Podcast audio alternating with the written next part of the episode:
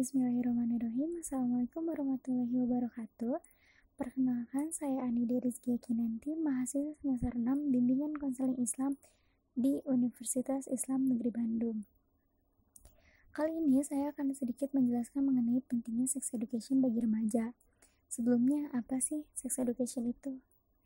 Nah, sex education atau pendidikan seks adalah suatu informasi mengenai persoalan seksualitas manusia yang jelas dan benar, Informasi itu meliputi proses terjadinya pembuahan, kehamilan sampai kelahiran, tingkah laku seksual, hubungan seksual, dan aspek-aspek kesehatan, kejiwaan, dan kemasyarakatan. Pendidikan seks adalah suatu pengetahuan yang kita ajarkan mengenai segala sesuatu yang berhubungan dengan jenis kelamin, seperti bagaimana fungsi kelamin sebagai alat reproduksi, bagaimana perkembangan alat kelamin itu pada wanita dan pada laki-laki, lalu tentang menstruasi, mimpi basah, dan sebagainya, sampai kepada timbulnya berahi karena adanya perubahan hormon-hormon, termasuk nantinya masalah perkawinan, kehamilan, dan sebagainya. Pendidikan seks atau pendidikan mengenai kesehatan reproduksi atau yang lebih trennya sex education sudah seharusnya diberikan kepada anak-anak yang sudah beranjak dewasa atau remaja, baik melalui pendidikan formal maupun informal ini penting untuk mencegah biasnya pendidikan seks maupun pengetahuan kesehatan reproduksi di kalangan remaja.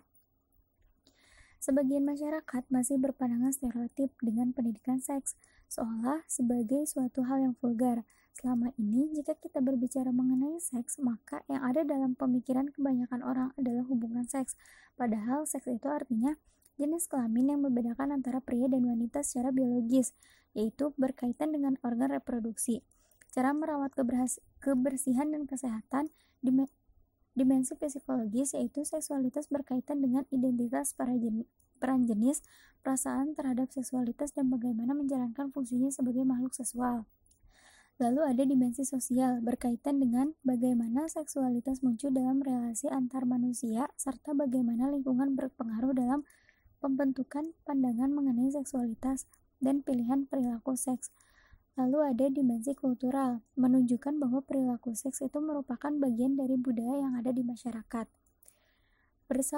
Berdasarkan kesepakatan internasional di Kairo tahun 1994 atau The Cairo Consensus tentang kesehatan reproduksi yang berhasil ditandatangani oleh 184 negara termasuk Indonesia, diputuskan tentang perlunya pendidikan seks bagi remaja dalam salah satu butir konsensus tersebut ditekankan tentang upaya untuk mengusahakan dan merumuskan perawatan, kesehatan seksual dan reproduksi serta menyediakan informasi yang komprehensif termasuk bagi para remaja.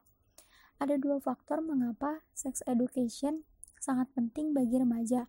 Faktor pertama adalah di mana anak-anak tumbuh menjadi remaja. Mereka belum paham sex education, sebab orang tua masih menganggap bahwa membicarakan mengenai seks adalah hal yang tabu sehingga dari ketidakpahaman tersebut para remaja merasa tidak bertanggung jawab dengan seks atau kesehatan anatomi reproduksinya. Faktor kedua, dari ketidakpahaman remaja tentang seks dan kesehatan anatomi reproduksi mereka di lingkungan sosial masyarakat, hal ini ditawarkan hanya sebatas komoditi, seperti media-media yang menyajikan hal-hal yang bersifat pornografi, antara lain VCD, majalah, internet, bahkan tayangan televisi pun saat ini sudah mengarah kepada hal yang seperti itu. Dampak dari ketidakpahaman remaja tentang sex education ini banyak hal-hal negatif terjadi. Seperti tingginya hubungan seks di luar nikah, kehamilan yang tidak diinginkan, bahkan penularan virus HIV pun terjadi. Organ reproduksi remaja adalah hak remaja dan menjadi tanggung jawab remaja itu sendiri untuk melindungi dari hal-hal yang tidak diinginkan. Tidak bisa dipungkiri apabila membahas tentang seks di mana saja adalah topik yang seru dan heboh. Bagaimana bagaimana kalau misalnya uh, seks dijadikan topik yang dibahas tuntas di sekolah? Pastinya akan heboh, penuh kejutan, tetapi banyak juga nilai edukasinya. Saat ini, seks bukan lagi merupakan hal yang tabu yang bikin kita malu-malu untuk membahasnya. Mungkin kita baru menyadari betapa pentingnya pengetahuan tentang seks karena banyak kasus pergaulan bebas muncul di kalangan remaja dewasa ini. Pergaulan bebas sebenarnya sudah muncul dari dulu, hanya saja sekarang ini terlihat semakin parah. Pergaulan bebas remaja ini bisa juga dipicu karena semakin canggihnya kemajuan teknologi.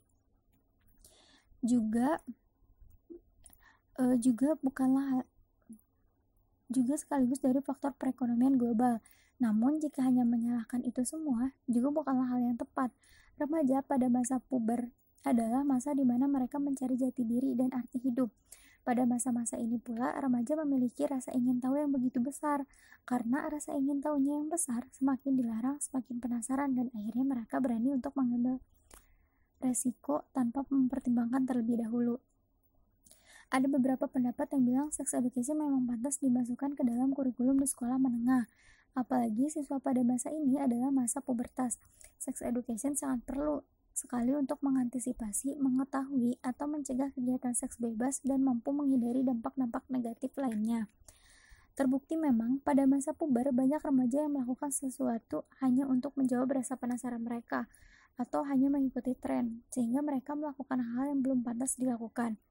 Mereka tidak sadar apa yang mereka lakukan akan muncul masalah baru yang dapat merusak masa depan mereka. Apabila sudah kebablasan, bukan hanya remaja itu sendiri yang akan kena batunya, tetapi juga orang tua tidak akan kuasa untuk menahan malu. Pembekalan tentang seks ini penting dan perlu sekali. Pengenalan atau pendidikan tentang seks dapat dimulai dengan berbicara santai atau diskusi langsung tentang kesehatan reproduksi. Dengan cara yang lebih akrab, mungkin siswa pun tidak perlu malu-malu lagi. Di samping itu juga, sekolah bisa mengadakan sebuah seminar tentang seks dengan mengundang pakar yang bisa menjelaskan lebih detail lagi. Misalnya dokter atau psikolog yang cakap dan paham dalam urusan gaya hidup remaja. Ada, bebe ada beberapa sekolah yang sudah memberikan pelajaran tentang sex education yang disiapkan ke dalam pelajaran biologi, agama, dan bimbingan konseling. Namun hanya dapat bekal dari sekolah tentu tidak cukup. Komunikasi dari orang tua dan anak pun tidak kalah pentingnya. Sepertinya tidak hanya remaja saja yang berhak mendapatkan pengetahuan tentang seks dan gaya hidup remaja saat ini. Sebelum remaja yang diberi pelajaran, orang tua pun mesti mendapatkan pengetahuan tentang gaya hidup remaja saat ini. Hal-hal apa saja yang sedang tren di kalangan remaja, jadi akan terjalin komunikasi yang terbuka antara orang tua dan anak. Karena bukan tidak mungkin mereka yang tidak dekat atau jauh dari kontrol orang tua lah yang lebih sering terjerumus ke hal negatif. Mungkin cukup penjelasan mengenai sex education bagi remaja dari saya. Mohon maaf apabila ada kesalahan kata. Terima kasih. Wassalamualaikum warahmatullahi wabarakatuh.